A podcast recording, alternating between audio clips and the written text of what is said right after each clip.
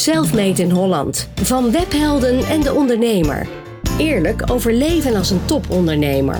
Topjournalist Roelof Hemmen en de succesvolste jonge ondernemers van Nederland. Powered bij Arjen en Klarna. Fijn dat je luistert naar Selfmade in Holland. Gesprekken met jonge ondernemers over extreem succesvol zijn. Wat dat met je doet. Hoe je je leven zin geeft als je eigenlijk nooit meer zou hoeven te werken.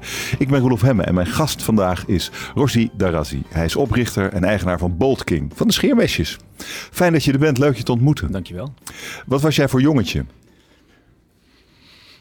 Ik denk een heel nieuwsgierig jongetje. Ehm, ik vond het altijd interessant om te begrijpen hoe dingen in elkaar uh, staken en hoe dingen werkten.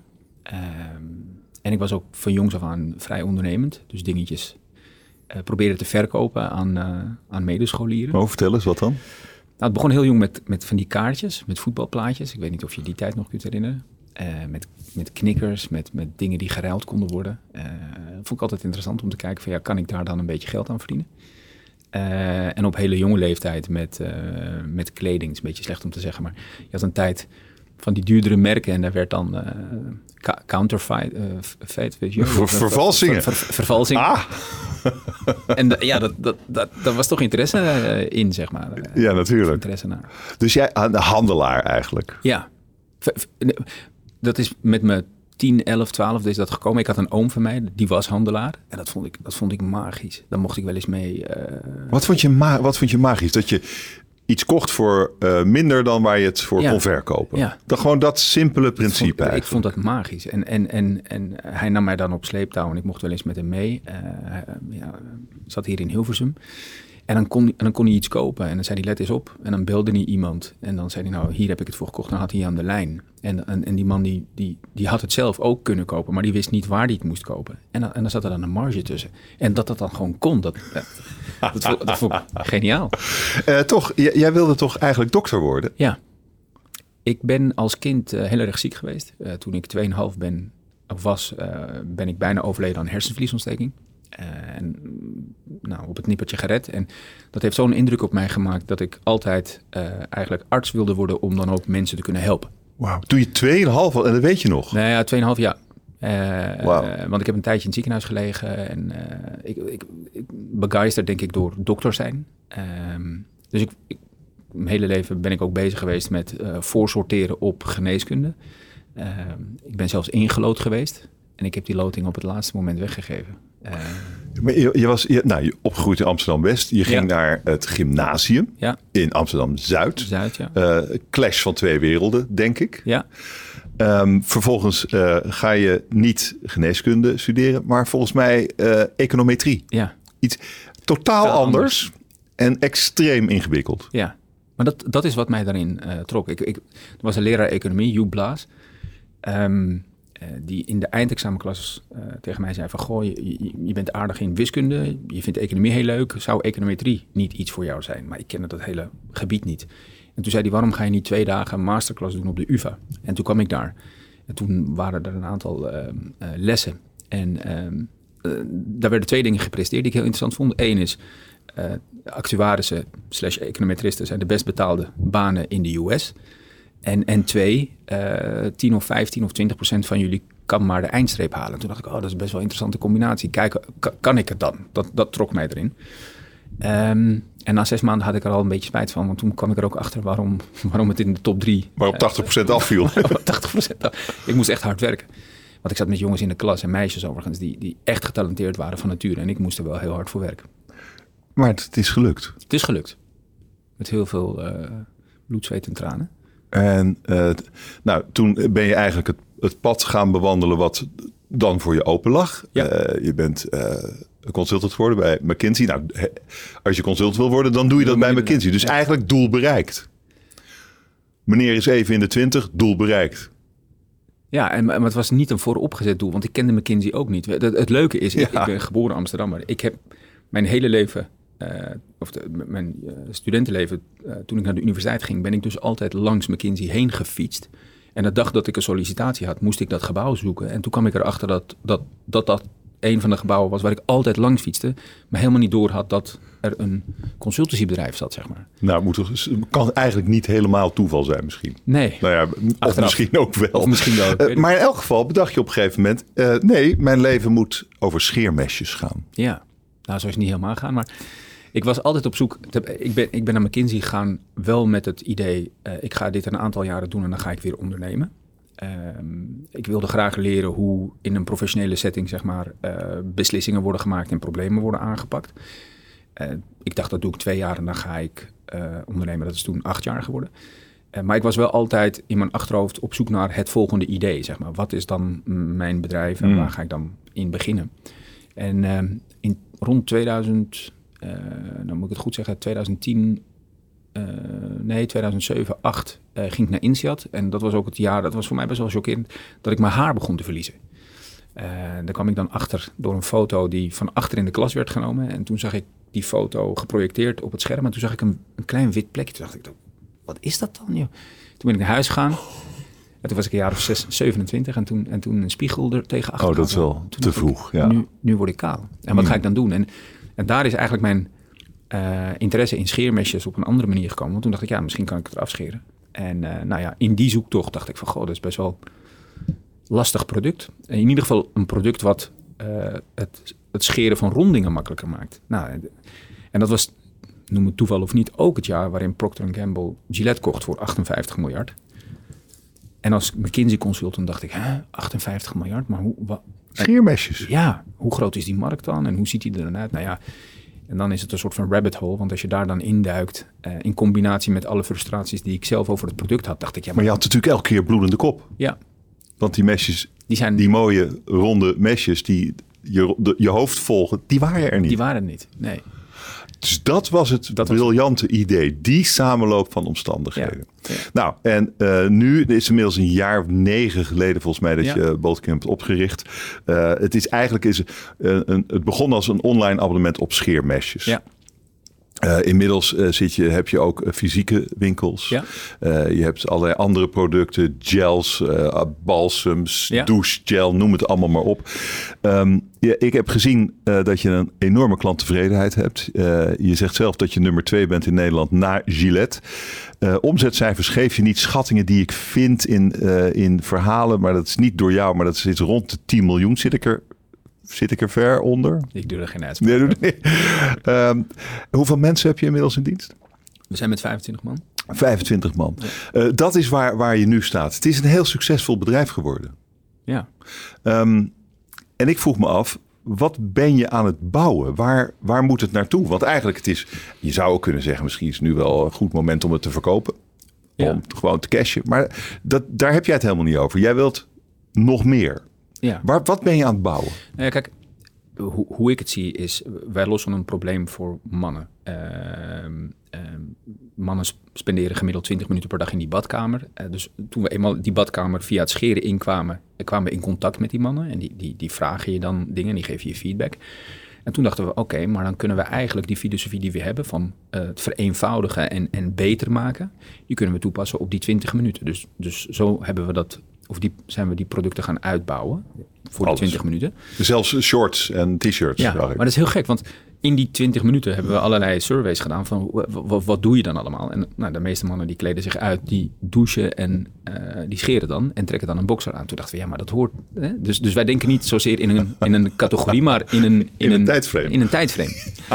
dus voor ons eh, en voor onze klanten ook is het, is het heel, heel logisch. Ehm, maar ja, wat is de ambitie? Ehm, we zijn nummer twee in, in Nederland. Ehm, ehm, mijn ambitie is om nummer twee in Europa te worden. Eh, om nog meer mannen te helpen die 20 minuten beter en makkelijker te maken. Dat is, dat is mijn ambitie. Nummer twee in Europa. Ja. En waarom nummer twee eigenlijk? Gillette is onverslaanbaar, denk ik. Nou, je moet eerst nummer twee worden om nummer één te kunnen worden. Dus ik, het, het meest realistische eh, de vervolgstap is nummer twee in Europa.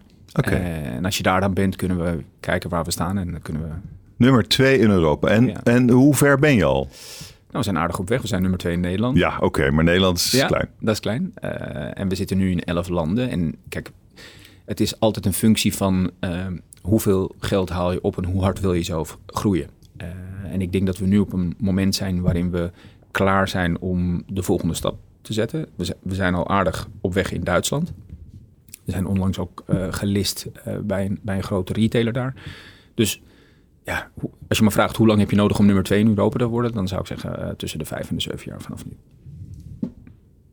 Tussen de vijf en de zeven jaar nummer twee van Europa. Ja. En dan is je volgende doel nummer 1 van Europa.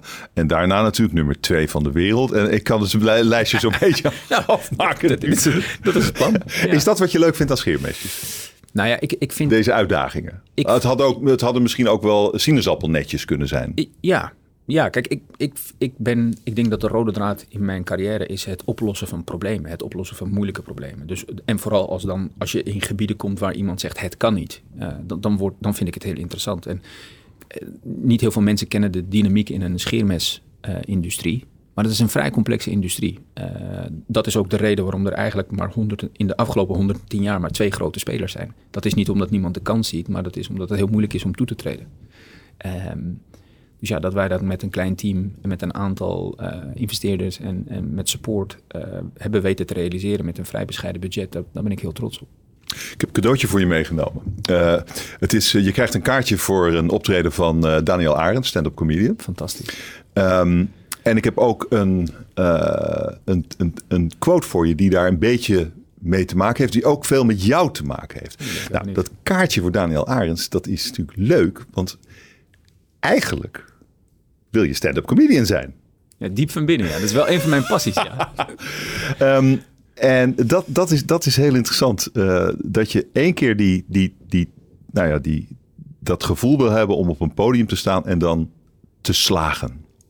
Waar, wat, wat is dat? Waar komt dat vandaan? Nou, ik heb, ik, ik, ik heb een fascinatie voor. voor um, uh, ik, mijn liefde voor stand-up is al heel jong uh, gevormd. Ik weet niet precies waardoor, maar ik heb heel veel ontzag voor mensen die dan op zo'n podium gaan staan en uh, op, op dat moment ben je vrij naakt, want je staat daar in je eentje. Je moet het, je moet het zelf doen. Helemaal alleen. Helemaal alleen. Uh, en, en humor heeft mij altijd gefascineerd. Van hoe, ja, de meest grappige comedians die hebben het vermogen om naar zaken op een hele andere manier te kijken. Zaken waar wij eigenlijk allemaal de hele, elke dag mee bezig zijn, maar die kijken dan door een ander perspectief of een andere bril. En, en dan wordt het opeens uh, uh, super grappig. Maar waarom denk je dat je leuk bent? Nou, ik denk het niet. Dat is dus dat de weet challenge. Je. Nee, dat, dat is dus wat ik ga heel graag. Dat wil je uitzoeken. Ik praat er al heel lang over. En toen heb ik tegen mijn vrouw gezegd: binnen nu een jaar wil ik ergens 10 minuten uh, gaan staan waar niemand mij kent om te kijken of, of ik dat ook zou kunnen. Uh, en als het niet kan, is het prima. Maar ik En wanneer ga je dat doen? Binnen nu een jaar. Dus Ja. vanaf, nu, dus voor eind 23 heb ik ergens 10 minuten gestaan. Heb je dan al een programmaatje? Nee, maar ik ben wel. Heb je al grappen? Ik ben wel aan het schrijven. Ja, ik heb dus geleerd. Ik, ik ben dus nu ook met een aantal stand-up comedians die ik ken. eh, heb ik gevraagd van ja, kun je me helpen? Aha. Eh, en eh, ja, er zijn heel veel verschillende manieren, maar ik, ik ben elke dag een beetje aan het schrijven. Dus ik heb allemaal notities en dan als ik dan iets bedenk, denk ik van nou, hier zou ik wel iets mee kunnen. En misschien totaal de plank mislaand, maar dat wil ik wel graag proberen. Binnen nu en een jaar voor een zaal vol publiek. Ja, ergens. 10 minuten. Ja. Ergens in de wereld. Ja, In Nederland. in Nederland. Zou ik La- doen. la- la- ja, precies. Oké, meneer heeft een hobby. Ja, Ik heb eh, eh, een, quoteje die, eh, een quote voor je die hier iets mee te maken heeft. Het, is, het klinkt Engels, dus je kunt hem ook voor je internationale vrienden op je bureau zetten. Um, The duty of comedy is to correct men by amusing them. Dat is een, een. Een, eh, een quote van Molière, een Franse toneelschrijver uit de 17e eeuw. En dit, dit is wel, alsjeblieft, Dankjewel. dit betekent iets. En het betekent waarschijnlijk ook iets meer voor jou als het gaat over het stukje het corrigeren van mannen. Heel mooi. Wat, wat, wat, wat zegt dit meer dan alleen maar deze quote voor jou? Ehm, nou, je zou erin kunnen lezen dat je eh, anderen kunt helpen een betere versie van zichzelf te worden. Dat is wat je erin zou kunnen lezen. Doe je hem scheermesjes? Ja, Eh, je kunt je, Ja. je hoofd mooi Ja. kaal scheren. Ja. Maar er is nog iets wat jij doet. Met, eh, het gaat over het, het corrigeren van jonge mannen. Ja. Het is iets wat Het je... helpen, het helpen. Het, helpen, het, corrigeren, het, het, helpen in het leven van jonge mannen. ja. Eh, is een, een stichting. De, Bold King Foundation. nou ja, en dat is, dat is een ander ding wat extreem belangrijk voor jou is volgens mij. Vertel me wat je daar doet. Nou, ehm, we richten ons op eh, jongens uit lagere sociaal-economische klassen, zeg ik maar even. Tussen de 16 en de 24. Jongetjes zoals jij ooit was. Ja, ja, ja. Was jullie altijd niet breed thuis? Nee. Nee, mijn vader werkte altijd en we waren prima gezin. Maar, maar ik bedoel, voor de, voor de, ik, ik zat in Zuid op school en dan kon je het schrille contrast zien. Want dat, dat, daar zaten de kinderen van, ik zeg maar even, de gegoede burgerij. Ehm, dus als je extra's wilde of als je eh, een mooi paar schoenen wilde, dan moest je daar eh, zelf eh, een manier voor verzinnen en, en creatief in zijn. En daar, ik, ik ben heel dankbaar voor het feit dat ik dat heb meegemaakt, want dat heeft mij gevormd tot wie ik ben. En dat heeft me heel handig gemaakt en ook heel eh, ja, eh, comfortabel met dingen Mhm. eh, verkopen en in gang zetten. Ehm, maar ik heb geluk gehad in mijn leven. En ik ken heel veel jongens met talent in die groep die dat geluk niet hebben gehad. eh, maar die wel ongelooflijk veel potentie in zich hebben. En ik denk dat wij als samenleving een verplichting hebben om het maximale uit ieders eh, potentie te halen. En Waarom vind je dat jij die verplichting hebt? Ik denk omdat ik ehm, van huis uit mee heb gekregen dat eh, leuk als je een talent hebt, maar zet dat dan ten dienste in van, eh, van de samenleving. Eh, dat, dat kun je doen op verschillende manieren, maar mijn ambitie is in de afgelopen tien jaar, omdat ik wat meer eh, visible ben geworden als ondernemer, heb ik heel veel aanvragen gekregen van individuen die zeggen, ik, ik heb een idee, mag ik even een uurtje Oh met ja. je zitten? En, en dat doe ik. Altijd? Ja, dat doe ik vrijwel altijd. Maar ik dacht, dit moet ik structureel en groter doen. Want ik, ja, hiermee kan ik waarschijnlijk meer jongens tegelijk helpen. En daar is dat idee van die foundation gekomen om op een gestructureerde manier eh, ja, masterclasses te geven. Noem het even eh, hoe je wil. Kom jij geven dan? Ja, Over ondernemerschap. ja breder dan dat. Eh, Misschien over wat voor mens je het beste kunt zijn. Ja, dat is misschien wel de achterliggende Ja, gedachte. maar, met haakje is ondernemerschap. Ehm, hoe ga je om met tegenslagen? Hoe ga je om? eh, hoe, hoe pak je een probleem aan? Eigenlijk dingen die ik de afgelopen 25 jaar, 30 jaar zelf geleerd heb. Waar ik van denk, als ik dat nou 10 jaar of 20 jaar eerder had geweten, dan had het me heel veel eh, eh, ja, effectiever gemaakt. Geef eens een voorbeeld. Nou ja, ehm, hoe ga je om met tegenslagen? Of hoe, hoe los ik een probleem op? Toen ik bij McKinsey kwam en zag hoe, zeg maar, in de businesswereld op een hele gestructureerde en slimme manier eh, een, een complex probleem kan worden georganiseerd. Dat, dat kan je één op één toepassen in je dagelijks leven, in je eigen uitdagingen, zeg maar. En als je dat eenmaal ziet, Johan Cruijff zegt het heel mooi, hè? je gaat pas, je hebt het door als je, je gaat pas zien als je het door hebt. Ja, dat, dat maakt je veel efficiënter. Dan, dan, dan verlies je veel minder tijd aan ehm, onnodige zaken eigenlijk. Wat voor onnodige zaak? Ehm, Wat heb, je, wat, heb, wat heb jij zelf voor, voor tijd verloren aan onnodige zaken? Nou, je, ja, bent in, je bent in Ja, korte tijd waanzinnig succesvol geworden. Ja. Wat, wat, Nou ja, is, maar ik- ik- wat is er bij jou misgegaan nou dan? bijvoorbeeld, kijk, eh, hoe ga je om met tegenslagen? Of ehm, hoe... hoe Heb je wel eens tegenslag gehad? ja. ja, iedereen heeft... Wat was de grootste? In zakelijk, op zakelijk gebied? Voor jou? Zakelijk of persoonlijk, wat je wilt? Nou ja, kijk, tegenslagen. ehm, eh, ik wil dat niet als een tegenslag eh, kwalificeren, maar eh, kijk, iedereen krijgt bepaalde kaarten in het leven uitgedeeld. En niet alle kaarten zijn eh, go- goede kaarten, zeg ik maar even. Eh, Wat waren jouw slechte kaarten? Nou, zakelijk. Ik, ik heb wel eens eh, ideeën gelanceerd en, en geld geïnvesteerd en ook eh, geld geleend en, en, en dat verloren. Eh, maar dat is makkelijk, want dat kun je weer terugverdienen. In het leven heb ik fysiek zelf tegenslagen gehad door nou ja, hersenvliesontsteking, et cetera. Ehm, ik heb vier kinderen, onlangs een tweeling gekregen en eentje daarvan heeft Down-syndroom. Nou, dat is niet een tegenslag, maar dat is wel Ja. iets waar je, dat verwacht je niet. En, en dat vormt je wel. Eh, Hoe vormt dat je dan? Wat, wat, doet- wat doet dat met je? Want jij bent nu eh, 41. 41, 42, 41. Ja, 41. Nou ja, kijk, ehm, laat ik vooropstellen. Ik, wij- eh, mijn vrouw en ik zijn heel dankbaar ehm, dat we überhaupt kinderen kunnen krijgen. Dat, dat is niet zomaar een gegeven. En we wilden altijd drie kindjes. En, en toen hoorden we dat we een tweeling zouden krijgen. Nou, dat hadden we niet gepland. En toen hoorden we dat eentje daarvan, eh, wat wij dan thuis noemen, extra bijzonder is. En dat hadden we ook niet gepland. Maar we zijn wel heel dankbaar, want we hebben die drie kindjes en we hebben een extra kindje om voor te zorgen. En het is een fantastisch eh, jongetje. Ehm, maar daarmee moet je wel even, dat is een kaart, dat is een situatie die je niet verwacht. En daar kun je op twee manieren mee omgaan. Dan kun je heel teleurgesteld zijn. Eh, of je kunt het zien als, ehm, eh, zoals een van mijn investeerders altijd tegen mij zei, everything happens for the best. Dat, en zo zien wij dat met z'n tweeën, zeg maar. Hoe dan? Hoe, hoe heeft... ehm, Die situatie. Hoe heeft die situatie... Ja. Jou- jouw zoontje met Down... Ja. Hoe, ehm, hoe heeft dat een positief effect op jou? Wat doet dat? Nou, ik denk dat het onze relatie als ouders sterker heeft gemaakt. We hebben toen, toen we het hoorden, dachten we van ja, deze situatie kan je of uit elkaar drijven of die kan je sterker maken. En wij kiezen voor het tweede. Dus ik denk dat wij nu uh, een nog betere relatie ja, kiezen, hebben. dat klinkt zo alsof je er... Nou... Alsof het allemaal zo maakbaar is. Nee, het is niet maakbaar, maar je, moet, je kunt wel bewust uh, bepalen hoe je met een situatie omgaat. Kijk, kijk, de situatie aan zich, die kan je niet veranderen. Maar hoe je ermee omgaat. En dat is een van de belangrijkste lessen die ik de jongeren ook mee wil geven. Is, um, er komen allerlei verschillende situaties op jouw pad in het leven. En die kun je waarschijnlijk niet meer beïnvloeden. Dat zijn gegevens. Maar hoe je daar daarmee omgaat, dat heb je volledig zelf in de hand. Maar wat het mij ook persoonlijk heeft gebracht, is de realisatie dat niet alles maakbaar is. Qua. Ja. Ja, dus de, en, en, Toch wel. ja, het is een humbling experience. Maar um, in die bescheidenheid, denk ik, kijk ik ook naar heel veel jongeren. En realiseer ik me dat, kijk, als je succesvol bent, dan wil je heel graag uh, zeggen dat het uh, voor een heel groot deel met jezelf te maken heeft. Maar de realiteit is dat je een hele grote geluksfactor moet hebben. Um, Nicola, of uh, Nassim Taleb, uh, die heeft een heel mooi boek erover geschreven. Dat heet dan, of getiteld Fooled by Randomness.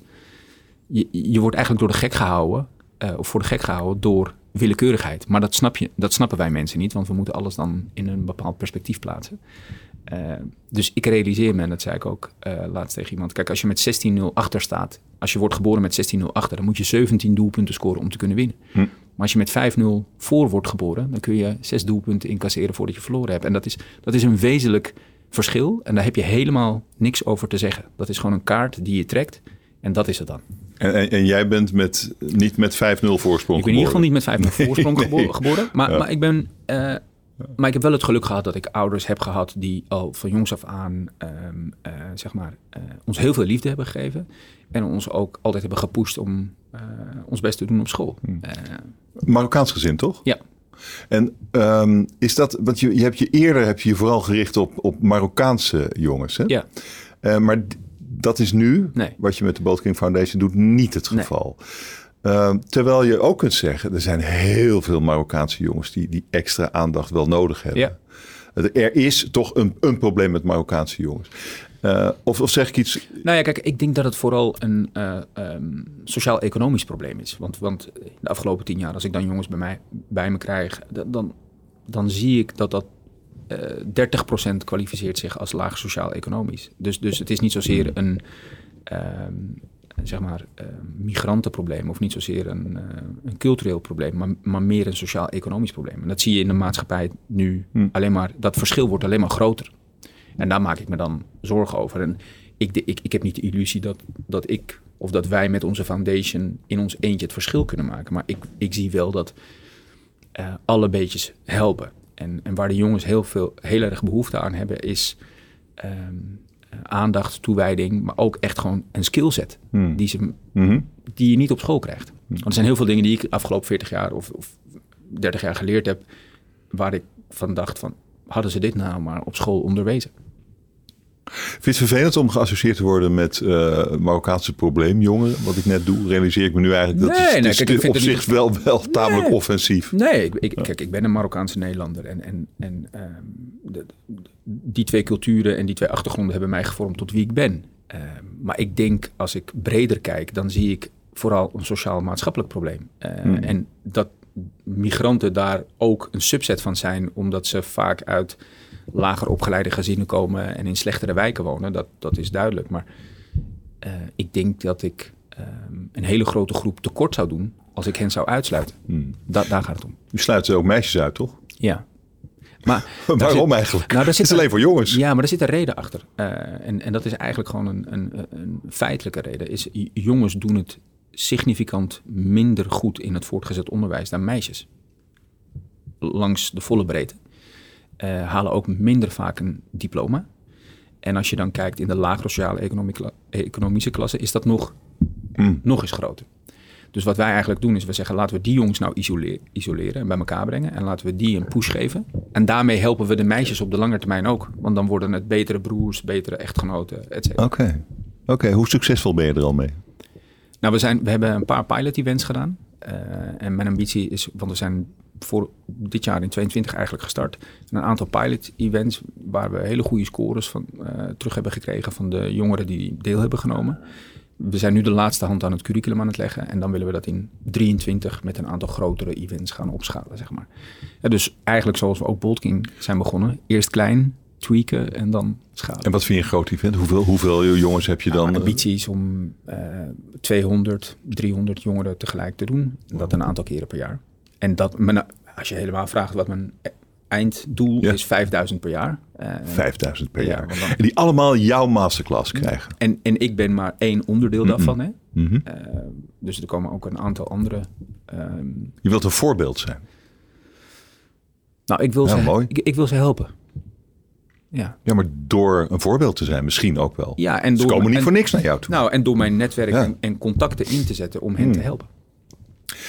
Jij bent eh, best al lang aan het werk.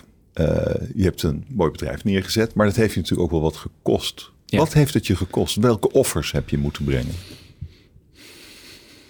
Nou ja, ik denk dat ik heel jong ehm, eh, heel volwassen ben geworden. En dat ik dus een stukje jeugdigheid ehm, en misschien speelsheid heb moeten inleveren. Dat klinkt heel gek, maar ik ben vrij serieus, serieus altijd. Hè. Dus dan, daar waar mijn medestudenten aan het feesten waren, et cetera, was ik bezig met eh, bedrijfjes runnen, zeg maar. En, en dus op die as lever je altijd wat in. Wat leef, wat leef je dan in? Nou ja, vrije tijd. Ik, ik, ik, ik heb weinig vrije tijd gehad in mijn leven. Te weinig gespeeld. Te weinig gespeeld. Dat is het eigenlijk. Ja, Nou ja, mooi dat je dan nu stand-up comedian wilt ja zijn. maar dat, maar, Dat is de compensatie. Nou, misschien is dat het wel. Om een beetje van die jeugdigheid en, en, en lichtzinnigheid eh, terug te... Maar ben je zo zwaar op de hand eigenlijk dan? Ja, serieus, dat, dat snap ik wel. Als Ja. we nu we zitten nu Nee, maar niet zwaar. Maar zwaar op de hand toch niet? Nee, helemaal niet. Nee. Maar wel heel erg serieus. Streng voor jezelf ook, Streng denk voor ik. mezelf. Ja. Echte Spartaan, wat dat betreft. Ja, voorbeeld? Nou ja, eh, die, ik, ik, de lat leg ik hoog. Dus, dus ehm, op het moment dat ik een doel stel en dat doel is in de buurt of behaald, is het voor mij al, ben ik al bij wijze van spreken mentaal. dus ik, misschien vier ik te weinig ook. Oké. Ja. Ik, ik, ja. En dan is het voor, voor anderen om me heen is het, oh ja, fantastisch. En dan denk ik, ja, goh, ik ben alweer bezig met het, met het volgende. En dat is, dat is ook een, daar moet ik ook mee oppassen. Dus dat, dat, naarmate ik ouder word, realiseer ik me ook van, het is ook goed om even stil te staan bij eh, dat wat er nu bereikt is. Wat heb je het laatste gevierd? Waar ik het laatste gevierd heb. Ehm,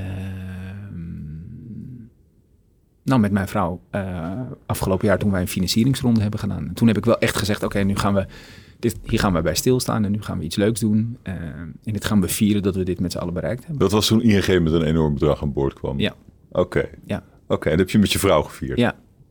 Ja. Oké, en, niet met, je 25 medewerkers? Ja, ook. ook. Nee, nee, ook. Nee, dat, dat, En wat heb, je, wat heb je toen gedaan? Zelf. Ja, Ehm, wat is vieren?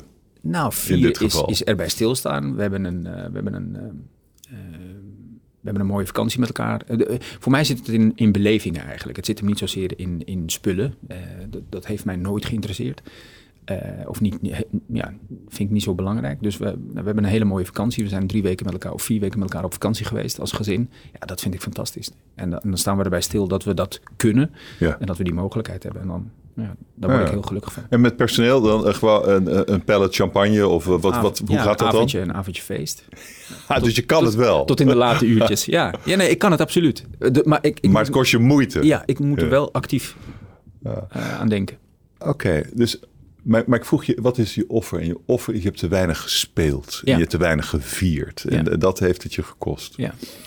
Ehm, het is ook ehm, wat je, je nou, serieus, ijverig. eh, je, wilt, je, je, je, vindt het heel, je voelt grote verantwoordelijkheid om iets goeds te doen in de wereld, heb je net uitgelegd. Ehm, maar wie helpt jou? Wie geeft jou? Oh, dat is een goede vraag. Ehm, ik probeer me wel te omringen met mensen tegen wie ik opkijk. Op allerlei, eh, langs allerlei assen, zeg maar. Hè. Dus, dus ehm, ik, ik heb een aantal mensen of mentoren eh, om me heen... ehm, eh, tegen wie ik opkijk op een bepaald gebied. En, en die probeer ik dan... ja, als ik die mensen niet ken, maar wel tegen opkijk... dan doe ik een reach-out en dan zeg ik... Goh, zou je me willen helpen met dit of dat? En, Kun je iemand noemen? Ehm, die mij helpen. Uh, nou ja, ik heb heel veel. Uh, nou ja, een van mijn investeerders bijvoorbeeld, die is heel spiritueel. Vind ik een hele bijzondere man. Ehm, die is heel spiritueel. Um, heeft toevallig ook een McKinsey-achtergrond, maar dat heeft daar niks mee te maken. Ehm, en het leuke is dat hij me af en toe bijvoorbeeld... Dan heeft hij een heel goed boek gelezen en dan, stuurt, dan krijg ik via uh, Amazon of Bol krijg ik opeens een pakketje. En dan denk ik, maar ik heb helemaal niks besteld. En dan staat er een kaartje in en dan zeg je van, dit is een fantastisch boek, moet je ook lezen. Okay. Dat, dat vergroot je scope. Uh, in de zin dat, dat is misschien wel een boek wat ik nooit zelf zou lezen. En daardoor, weet je wel, nou, dat vind ik fantastisch. Daar kan ik echt gelukkig van worden. En dat hoeft dan niet per se over je zakelijke avonturen te gaan? Dat kan. Misschien juist niet nee. daarover? Nee, helemaal niet. Oké. Maar er zijn ook mensen bij wie ik te raden ga op het moment dat ik een moeilijke beslissing moet maken en daar dan niet uitkom zelf. Of, of in ieder geval denk van heb ik wel, heb ik wel een volledig perspectief. Hmm. En dan vraag ik een aantal mensen wat, hoe zij de, daarnaar kijken, zeg maar. Heb je, ben je wel eens bang geweest dat het allemaal mis zou lopen? Dat je denkt, prachtig bedrijf. Maar ik raak het allemaal kwijt. Het gaat allemaal weg. Angst. Heb Ja. je dat, ken je dat? Ja, zeker. Ja, dat is een heel gek gevoel. Ehm, en toen ik wat jonger was, dacht ik dat je dat weg moest stoppen. Eh, dat is nou een van die dingen die ik eerder had willen leren, is dat je het eigenlijk moet omarmen. Ehm, en het zelfvertrouwen. Ik, heb, ik, ik, ik sprak ooit een keer een Belgische ondernemer en die zei het heel mooi tegen mij. Die had ook een heel, die was nog vele malen succesvol. En, die zei iets heel moois toen we een wandeling aan het maken waren. En die zei: Als ik morgen alles zou verliezen, zou ik daar helemaal geen probleem mee hebben. Want ik weet dat ik het gewoon weer opnieuw zou kunnen. En, en dat, die, dat zelfvertrouwen, dat geeft je ook heel veel comfort. Heb jij dat? Ik weet niet of het weer een scheermesmerk zou zijn, maar ik, ik heb wel het comfort dat ik denk dat ik voldoende talent heb, als ik alles weer kwijtraak, om op een andere manier of in een ander domein weer iets soortgelijks te doen. Ja, dat, dat gevoel heb ik wel. Iets soort, dus nog een keer het gouden ei, zou je nog een keer lukken? Ik weet niet of het even groot zou zijn, of, m- maar ik heb wel het gevoel dat ik in ieder geval niet... Want verliezen betekent dat je dan helemaal niks meer hebt, zeg maar. Ja. Eh, maar maar dat, die angst heb ik niet. Dan, dan ben je dus ook bereid om het los te laten. Ja, Eh, Dus, maar wat betekent het dan voor je? Eh, het succes. Ja, Nou ja, kijk, het is maar net hoe je succes definieert. Eh, in, in de samenleving waar we nu leven is, is het heel vaak eh, financieel, zeg maar. Hmm. Maar voor mij is succes het feit dat ik eigenlijk dat zelfvertrouwen gedurende mijn leven... Want ik was eigenlijk, toen ik mijn carrière begon, en, en niet dat ik nou eh, of nu super zelfverzekerd ben, maar met de tijd ben ik wel zekerder van mijn zaak geworden en zekerder van mijn eigen kunnen. En, en dat alleen al is succes. Ehm, dus als het me allemaal ontnomen zou worden, ehm, denk ik, ja, weet je wel, het is oké. Ik ben, ik, ben, ik ben vrij gebalanceerd. En je vroeg me net, wat heeft je zoontje voor impact op jou gehad? Nou, dat besef, dat, ehm, die realisatie, dat eigenlijk waar het echt om gaat in het leven, als het er echt toe doet, dan heb je een soort van beweging naar de kern. En dat is dan je gezin. En dat, dat, alle andere dingen worden dan opeens veel minder relevant. Dus Ja. ik, ik heb, ik heb, het heeft mijn beeld weer even op scherp gezet. en blijkbaar had je al die jaren hard werken en bouwen aan Bolt King nodig Ja, om te beseffen dat het allemaal niet zoveel betekent. ja. Dat is toch ook wel? Maar dat is heel paradoxaal. Ja, Maar ik heb dit vaker ook teruggelezen en teruggehoord bij mensen die nog vele malen succesvoller zijn. Die dan zeggen van ja, maar als je er dan bent, dan ja, was, was dat het dan of zo, weet je wel? Dus en daarom snap ik ook dat ze zeggen de weg ernaartoe is vele malen interessanter dan het eindpunt. Ja. Maar ja, straks, straks ben je op het eindpunt. Ben je nummer twee van de wereld, nummer één van de wereld. Ja, en dan? En dan, ja. Nou, ik, ik wil eigenlijk nog heel veel andere dingen doen. Ehm, eh, gericht op eh, teruggeven. Eh, ik heb daar wel wat rolmodellen in de, in, de, in de businesswereld tegen wie ik op kijk. Dat ik denk, ja, leuk dat je het spel heel goed kunt spelen. En leuk dat je de, de, de, het succes ermee behaalt. Maar wat ga je daarmee doen? Want het, heeft, het brengt ook een verplichting met zich mee. Of een verantwoordelijkheid, laat ik het zo zeggen. Die voel jij. Die voel ik heel erg, ja. ja. Anders, is het voor, anders is het voor mij heel erg leeg. Eh, Oké, maar jij bent, eh, jij bent eh, 41, dus over 20 jaar ben je 61. Dan, dan ben je al een tijdje, wens ik je toe, nummer 1 van de wereld met Bolt King. Dankjewel. En dan, maar dan zit je daar en dan denk je, ja, en nu? En nu? Ja. Ja, dan, dan, dan hoop ik dat ik dat, dat het bedrijf zo goed loopt en zo onafhankelijk loopt, dat ik heel veel van mijn tijd kan stoppen in uh, teruggeven, in, in de foundation uh, groter maken. 5000 man kan 50.000 man per jaar worden of kan, kan 500.000 man per jaar worden. Dat, dat, dat, daar krijg ik heel veel voldoening. Dus voldoening. gaat je geld weer weg? Ja. Maar dat geld, is, dat geld is altijd al een middel geweest voor mij. Het is nooit mijn ik dacht, tenminste, misschien is dat bij heel veel mensen zo, in ieder geval bij mij. Je, wordt opgevoed in een kapitalistische omgeving en dan denk je dat je doel is om heel rijk te worden. Maar op het moment dat je wat ouder wordt en wat bewuster, denk je: oké, maar voor mij is dat geld eigenlijk helemaal niet het doel, maar is een middel. Maar wat is het doel dan? Ja, het doel is een gebalanceerd, een goed mens zijn en, en zorgen voor je omgeving. En sommigen doen dat op microniveau. En als je talent hebt om het wat groter te doen, vind ik dat je die, verantwoordelijkheid die handschoen moet je dan oppakken. Dan moet je iets mee. Maar jij zegt eigenlijk dat je bereid bent om, als je op de top van het succes staat, ja, we weten natuurlijk niet wanneer dat precies is, maar om overal afscheid van te nemen, alles weg te geven. Ja, dat, dat is wat je wil doen. Ja, dat, dat, dat zou jouw grootste ambitie zijn ja, eigenlijk. Ja, ja. En dan laat je uh, iemand die dat heeft gedaan, die daar voor mij een voorbeeld in is, is misschien niet heel bekend bij, de, in, bij het grote publiek, maar dat is Chuck Feeney.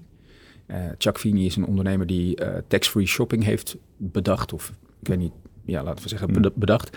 En die heeft een waanzinnig succesvol bedrijf gebouwd. En die heeft daar 7 miljard mee verdiend. En die heeft zich ten doel gesteld om die 7 miljard voor de dag dat hij overlijdt weg te geven. Ja. En dat is hem, dat is hem gelukt. Hij heeft onlangs volgens mij zijn laatste cheque uh, weggetekend. Nou ja, de, de oprichter van Patagonia heeft het ook gedaan. Ja, Ging ook over enorme bedragen. Ja. En dat is het spoor wat jij ook wilt volgen. Nou ja, ik... En aan wie wil je het dan geven? Wat, wat, moet er dan, wat moet dan de opbrengst zijn van. Nou ja, kijk, ik heb een passie voor uh, onderwijs. Ik ben, ik ben het Nederlands onderwijs heel dankbaar, want daardoor heb ik mezelf hmm. kunnen ontwikkelen. Uh, maar, ik, maar goed onderwijs is niet meer een vanzelfsprekendheid. Er zijn gewoon heel veel uh, jongens, meisjes die. Um, die daarin tekort komen.